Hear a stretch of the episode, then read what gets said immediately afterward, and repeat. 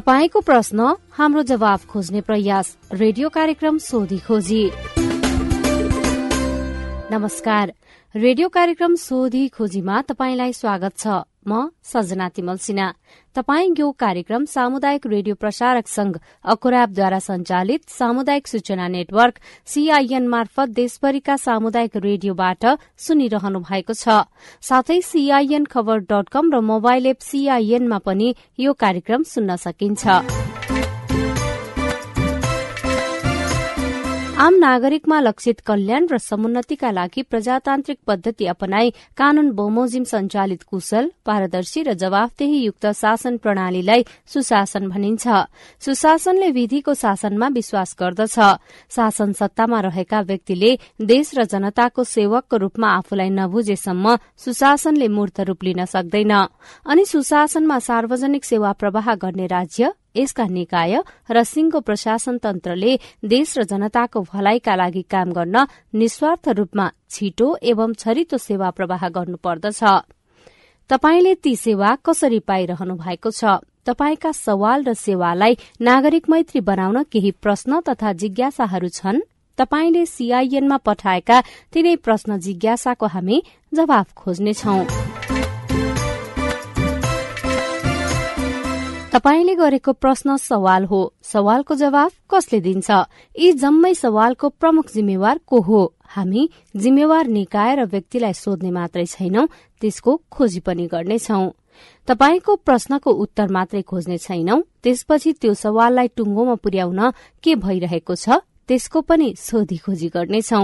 हाम्रो telephone number शून्य एक बाहन्न साठी छ चार छमा फोन गरेर आफ्नो प्रश्न रेकर्ड गर्नुहोस्। यस्तै तपाईँले हामीलाई सीआईएनको Facebook page community information network सीआईएनमा गएर पनि आफ्ना कुरा लेख्न सक्नुहुनेछ। तपाई प्रश्न राख्नुहोस् हामी जवाफ खोज्नेछौ कार्यक्रम सोधी खोजीमा।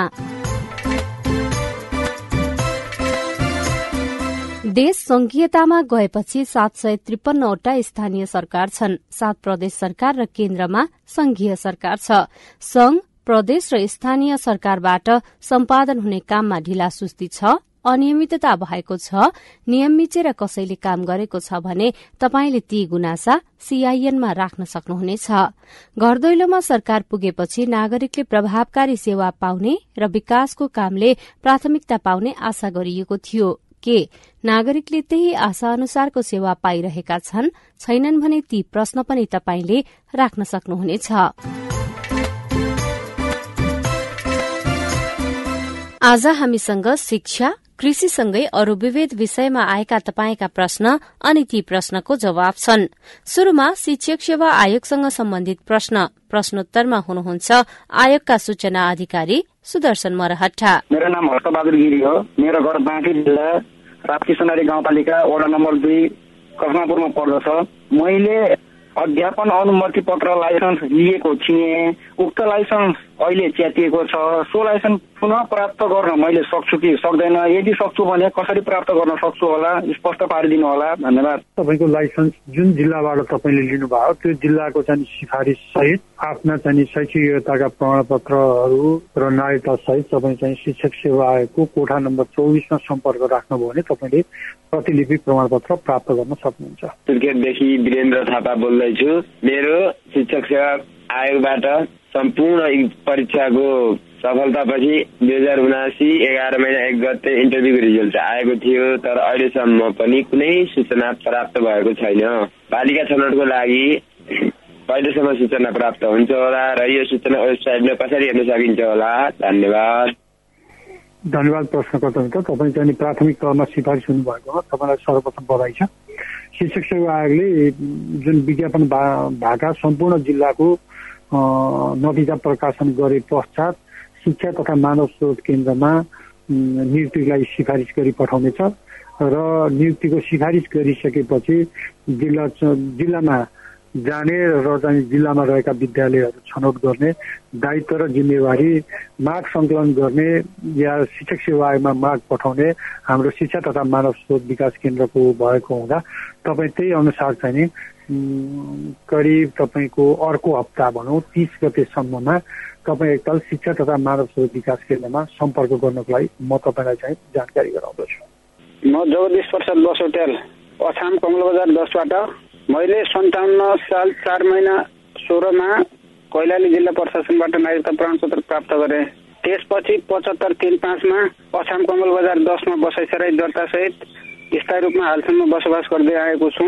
मतदान जनगणना लगायतका कार्यक्रममा अछामबाटै सहभागी हुँदै आएको छु तर हाल नवीले नागरिकता बसाइसराई दर्ता पिछडिएको सिफारिस हुँदा हुँदै पनि डडेलधुरा जिल्लाबाट प्राथमिक तहको अन्तिम नतिजामा शिक्षक सेवा आयोगले पिछडिएको क्षेत्रको मापदण्ड नपुगेको भनी अन्तिम नतिजा प्रकाशनमा रोक लगाएको हुँदा यसको संवैधानिक व्यवस्था के रहेछ जान्न पाए महामारी हुने थिए शिक्षक सेवा आयोग नियम तेह्रको देहाय नमा जो चाहिँ पिछडिएको हाम्रो नौवटा जिल्ला छन् त्यही जिल्लाबाट चाहिँ नागरिकता प्रमाणपत्र प्राप्त गर्नुपर्ने र तिनै स्थायी र चाहिँ नि जन्मस्थान पनि त्यही जिल्ला स्थायी बसोबास पनि त्यही जिल्ला भएको भने नागरिकतामा उल्लेख भएपछि मात्र पिछडिएको क्षेत्रको सुविधा पाउने व्यवस्था शिक्षक सेवा नियालीले गरेको हुँदा त्यही अनुसार तपाईँको चाहिँ के कि सबैलाई पिछडिएको क्षेत्रको हकमा त्यही अनुसार चाहिँ कानुनी रूपमा हेरिन्छ। नौवटा क्षेत्र बाहेकका अन्य जिल्लामा जन्मेर त्यो ठाउँमा बसाइसराई या विवाह दर्ता गरेको आधारमा चाहिँ पिछडिएको सुविधा दिन सक्ने अवस्था चाहिँ शिक्षक सेवा आयोग नियावलीमा नभएकोले तपाईँ जस्तै अन्य उम्मेद्वारहरूको पनि प्राथमिक तहको जुन कि पिछडिएको क्षेत्रको बाट चाहिँ जसले फर्म भरेको छ उहाँहरूको फर्म चाहिँ नि दरखास्त रद्द भएको छ र त्यसमध्ये तपाईँ पनि पर्नुभयो। मेरो नाम हस्तबहादुर गिरी हो। मेरो घर बाँके जिल्ला राप्ती गाउँपालिका वडा नम्बर दुईमा पर्दछ। शिक्षक सेवा आयोग दिने सोचेको थिएँ शिक्षक सेवा आयोग दिनका लागि उम्मेदवारको लागि कति वर्ष पुरा शिक्षक सेवा आयोगको चाहिँ अध्यापन अनुमति पत्र वा चाहिँ स्थायी शिक्षकको लागि निवेदन दिनको लागि तपाईँको अठार वर्ष पुरा भएको र दरखास्त दिने अन्तिम मितिसम्म चालिस वर्ष ननागेको व्यक्ति शिक्षक सेवा आयोगबाट लिइने कुनै पनि परीक्षामा चाहिँ उम्मेद्वार हुन सक्नुहुन्छ थाईको हकमा तर अध्यापन अनुमति पत्रको हकमा भने अठार वर्ष पुरा पुगेपछि त्यो व्यक्ति चाहिँ अध्यापन अनुमति पत्रको परीक्षामा योग्य हुन्छ भन्ने कुरा शिक्षक सेवा आयोग नियालीले प्रष्ट व्यवस्था गरेको छ। अन्तिम प्रश्न चाहिँ शिक्षक सेवा सँगसँगै लोकसेवासँग पनि सम्बन्धित छ। म लाल बहादुर बुढा डोल्पा जिल्ला मुटकेचुला गाउँपालिकाबाट बोल्दैछु। मेरो नागरिकतामा रहेको जन्ममिति र मैले पढेको प्रमाणपत्रमा रहेको जन्ममिति एक वर्षको फरक छ शिक्षक लाइसेन्स अर्थात् लोकसेवा आयोगको लागि फर्म भरि परीक्षा दिँदा उक्त पेपर चेक हुन्छ कि हुँदैन? नागरिकता प्रमाणपत्रमा र शैक्षिक योग्यतामा दुई थरी जन्ममिति भयो भनेदेखि तपाईँले जिल्ला प्रशासन कार्यालयबाट व्यक्ति प्रमाणित गरेर दिनुपर्छ।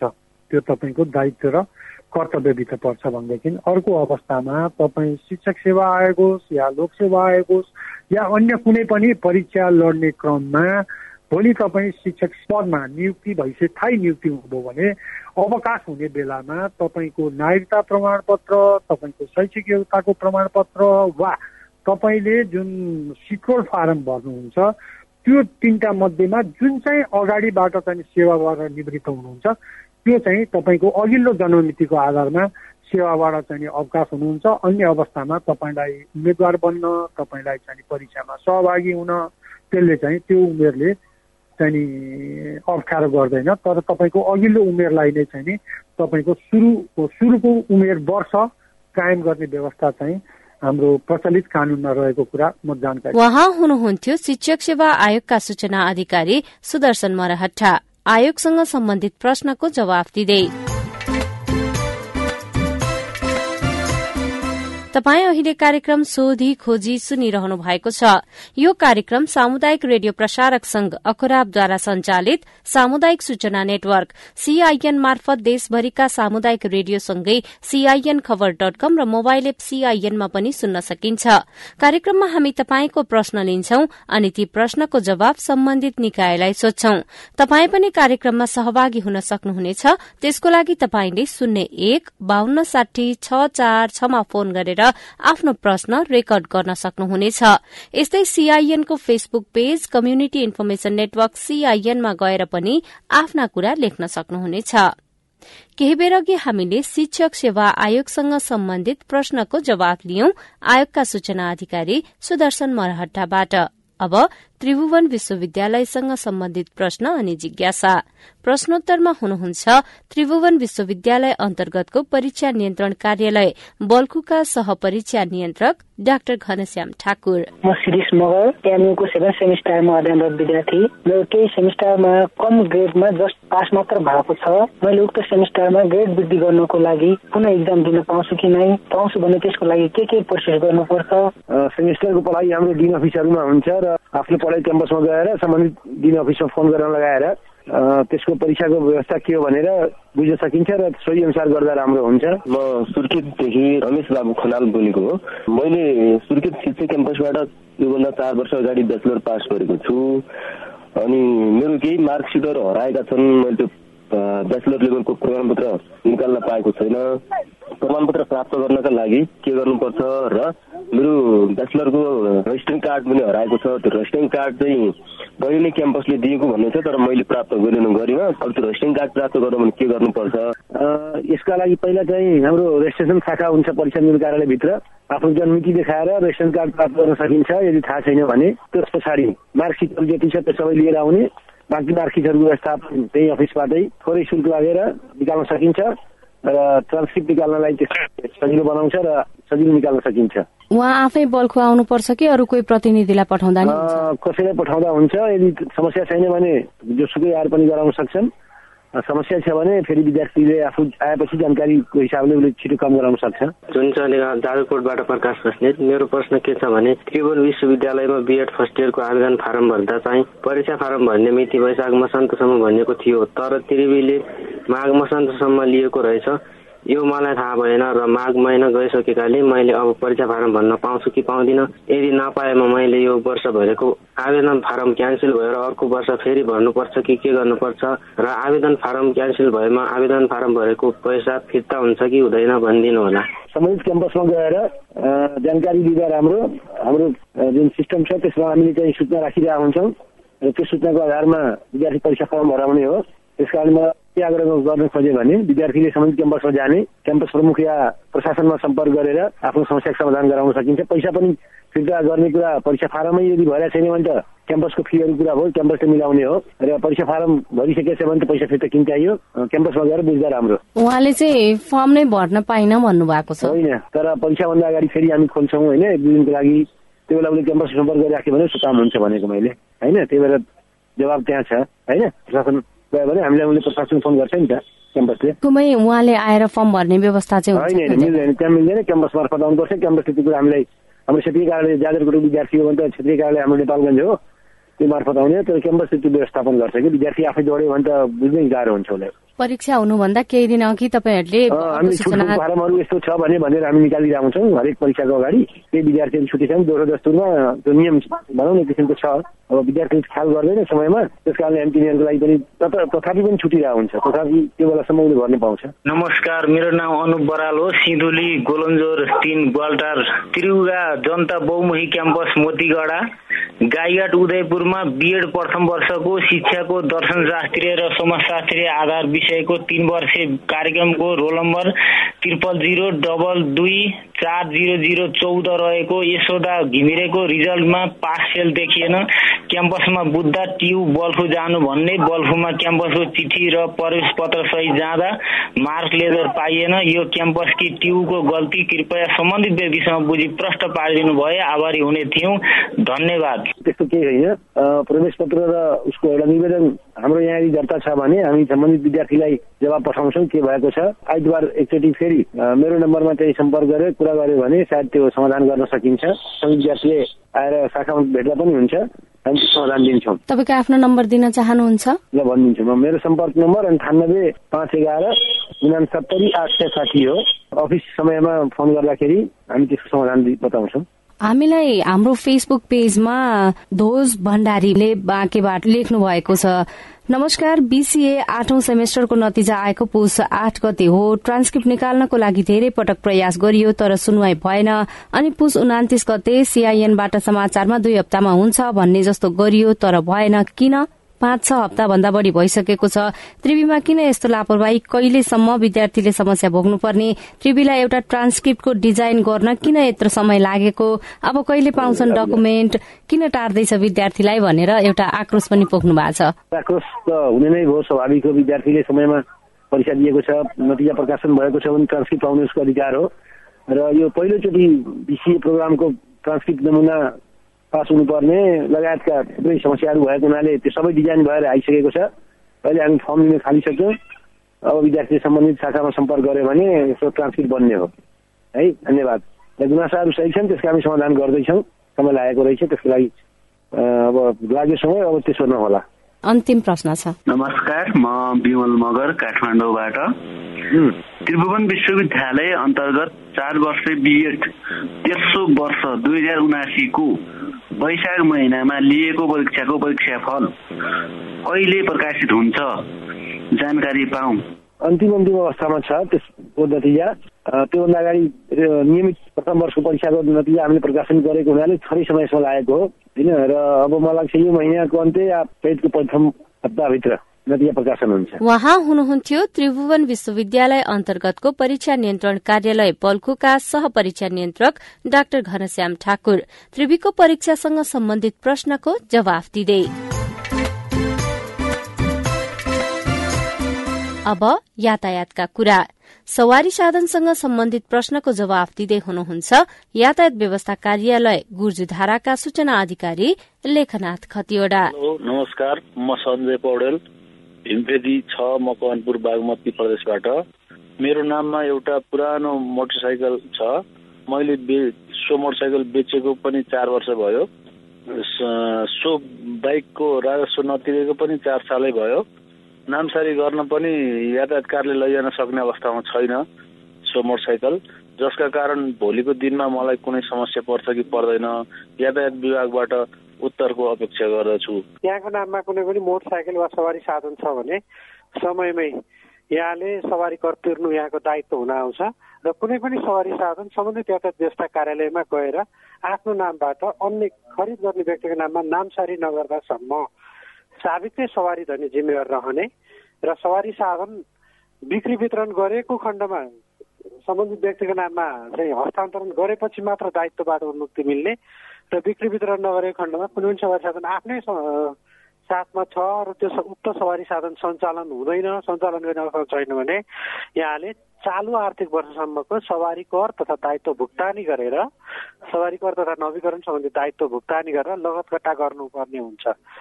कुनै पनि सवारी साधन या मोटरसाइकल स्कुटर तथा अन्य सवारी साधनको हकमा समेत लगत कट्टा नगर्दासम्म कार्यालयको अभिलेखमा यहाँहरूको नाम रहिरहने हुन्छ र सवारी कर तथा नवीकरणको दायित्व बढिरहने हुन्छ। कर तथा नवीकरणको दायित्वबाट कोही कसैलाई पनि उन्मुक्ति मिल्ने अवस्था नरहने हुनाले यहाँले समयमा नै सवारी साधनको लगत कट्टा गर्नुपर्ने हुन्छ।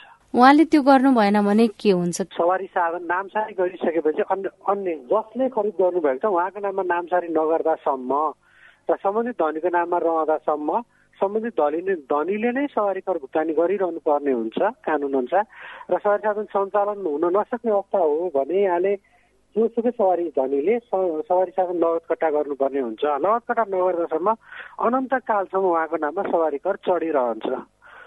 भोलि हाम्रो अभिलेख अपडेट भइसकेपछि सम्बन्धित सवारी धनीको घर ठेगानामा हामीले चाहिँ कर तथा दायित्व भुक्तानीको लागि पत्र पठाउन सक्ने अवस्था पनि रहन्छ।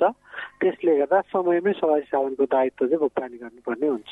त्यसो भए जो व्यक्तिले अब मेरो सवारी साधन चाहिँ चलाउन लायक छैन यो चलाउन मिल्दैन भन्ने अवस्थामा पुग्नुहुन्छ उहाँले चाहिँ त्यो सवारी साधनलाई के गर्न सक्नुहुन्छ? उहाँहरूले त्यो सवारी साधनलाई चालु आर्थिक वर्षसम्मको सवारी कर तथा नवीकरणको रकम भुक्तानी गरेर लगत कट्टा गराउन सक्नुहुन्छ। लगत कट्टा गराइसकेपछि अभिलेखबाट उहाँहरूको नाम कट्टी हुन्छ र कुनै पनि दायित्व पर्ने अवस्था पनि रहँदैन। लगत कट्टा गर्नु भएन भने एउटा आर्थिक पाटो रहन्छ। आर्थिक पाटो मात्र नभएर कहिलेकाहीँ सामाजिक अपराधिक चाहिँ गतिविधिहरूमा पनि झन्झट मिल्न झन्झट आइपर्न सक्ने हुनसक्छ। उक्त सवारी साधन उक्त सवारी साधनकै नम्बर प्रयोग गरेर यदि कोही कसैले क्राइम अपराध गर्यो भने प्रहरीबाट अनुसन्धान हुँदै जाँदाखेरि उक्त सवारी साधन कसको नाममा छ भनेर हामीसँग बुझ्दाखेरि हामीले उहाँहरूको चाहिँ विवरण पठाउनु पर्ने हुन्छ। ढड्डामा हेरेर उहाँहरूको नाम चाहिँ पठाउँदाखेरि उहाँहरूलाई थप झन्झटसम्म मिल्न सक्ने पर्न सक्ने हुनाले समयमै लगत कट्टा गर्नुपर्ने हुन्छ। नमस्ते म महेश कुमार राउत सिन्धुलीबाट मेरो एउटा समस्या चाहिँ यो मेरो नाममा भएको बाइकको फाइल हराएको र त्यो बाइकको फाइल अब खडा गर्नलाई मैले के गर्नुपर्छ? यो अरू अरू अरू व्यक्तिको नाममा नामसारी गरिदिनको लागि यो कुरा सोधिरहेको मैले यस्तो जवाब पाऊँ। हालसम्म सवारी साधनको अभिलेखहरू मान डिजिटल मेथडमा राखिएको छैन मानवीय मेथडमा छ। कुनै पनि सवारी साधनको अभिलेख तिन ठाउँमा हुन्छ। एउटा डड्डा अभिलेख एउटा फाइल अभिलेख एउटा चाहिँ बिल बुक अर्थात् सवारी धनी प्रमाणपत्र। सवारी धनी प्रमाणपत्र सवारी धनीहरूसँग हुन्छ। डटा र फाइल अभिलेख सामान्यतया कार्यालयमा हुनुपर्ने हो तर अधिक कार्यबोझ र अभिलेख व्यवस्थापनको समस्याले गर्दा विगत आर्थिक वर्ष चौहत्तर पचहत्तरदेखि नै सवारी धनीलाई नै दिएर पठाउने प्रचलन छ। यदि यहाँसँग भएको सवारीको फाइल हराएको छ भने त्यसलाई खडा गर्न सकिन्छ। त्यसको लागि विधि छ। हामीले कार्यालयले एउटा फारम तयार गरेका छौँ। त्यो फारम भरेर चाहिँ भन्सार प्रज्ञापन पत्र भन्सार रसिद र खरिद गरिएको कुन ठाउँबाट खरिद गर्नुभयो उक्त खरिद गरिएको ठाउँबाट बिलको फोटोकपी चाहिँ हामीले सङ्कलन गर्न सक्यौँ भने त्यो फाइल खडा गर्न सकिन्छ। फाइल खडा भइसकेपछि यहाँले पुनः पहिले चाहिँ बिक्री वितरण गर्न पनि सक्नुहुन्छ। सिआइएनको फेसबुक पेजमा ललितपुरबाट वेदानन्द घिमिरेले कुन कुन यातायात कार्यालयबाट ब्लुबुकहरू नवीकरण गर्न सकिन्छ भनेर जिज्ञासा राख्नु भएको छ। बागमती प्रदेश अन्तर्गत काठमाडौँ उपत्यकामा मात्र आठवटा यातायात व्यवस्था कार्यालयहरू रहेका छन्। आठवटा यातायात व्यवस्था कार्यालय मध्ये चारवटा यातायात व्यवस्था कार्यालयहरू सवारी चालक अनुमति पत्रसँग सम्बन्धित छ। सवारी चालक अनुमति पत्र अर्थात् ड्राइभिङ लाइसेन्स लिन र ड्राइभिङ लाइसेन्स नवीकरण गर्न तथा वर्ग थप गर्नको लागि यहाँले चारवटा लाइसेन्स कार्यालयमा सम्पर्क गर्न सक्नुहुनेछ। जुन यातायात व्यवस्था कार्यालय सवारी चालक अनुमति पत्र एकान्तको नाममा रहेको छ त्यसै गरी यातायात व्यवस्था कार्यालय सवारी चालक अनुमति पत्र ठुलो भर्याङमा रहेको छ। त्यसै गरी अर्को यातायात व्यवस्था कार्यालय सवारी चालक अनुमति पत्र साबहिलमा रहेको छ। त्यसै गरी यातायात व्यवस्था कार्यालय राधे राधे भक्तपुरमा रहेको छ। यी चारवटा यातायात व्यवस्था कार्यालयहरू लाइसेन्ससँग सम्बन्धित छन्। त्यसै गरी यातायात व्यवस्था कार्यालय साना ठुला सवारी चार पाङ्रे वा सोभन्दा बढी सोभन्दा ठुला सवारीसँग सम्बन्धित यातायात व्यवस्था कार्यालय हो। उक्त यातायात व्यवस्था कार्यालय एकान्त कुना ललितपुरमा रहेको छ। यहाँ ठुला सवारी साधनको सवारी कर तिर्न सवारी साधन दर्ता नामसारी लगायतका कार्यहरू सम्पादन गरिन्छ। त्यसै गरी यातायात व्यवस्था कार्यालय मोटरसाइकल यो टु विलर्सको लागि स्थापना गरिएको कार्यालय हो। यो यातायात व्यवस्था कार्यालय सतुङ्गल गुर्जुधारामा रहेको छ। हाल चन्द्रागिरी नगरपालिका वडा नम्बर पाँचमा पर्दछ यो। यहाँ दुई पाङ्रे सवारी साधनहरूको दर्ता नामसारी तथा सवारी कर सङ्कलन कार्य गरिन्छ। त्यसै गरी यातायात व्यवस्था सेवा कार्यालय दुई दुईवटा रहेको छ जहाँ यातायातका सवारी साधनहरूको सवारी कर लिने काम मात्र गरिन्छ। यातायात व्यवस्था सेवा कार्यालय स्वयम्भू सानो भर्याङ। त्यसै गरी यातायात व्यवस्था कार्यालय सल्लाहगारी भक्तपुर। यी दुईवटा कार्यालयमा जुनसुकै सवारी साधनको सवारी कर भुक्तानी गर्न सक्नु उहाँ हुनुहुन्थ्यो यातायात व्यवस्था कार्यालय गुर्जुधाराका सूचना अधिकारी लेखनाथ खतिवड़ा। सवारी साधनसँग सम्बन्धित प्रश्नको जवाफ दिँदै।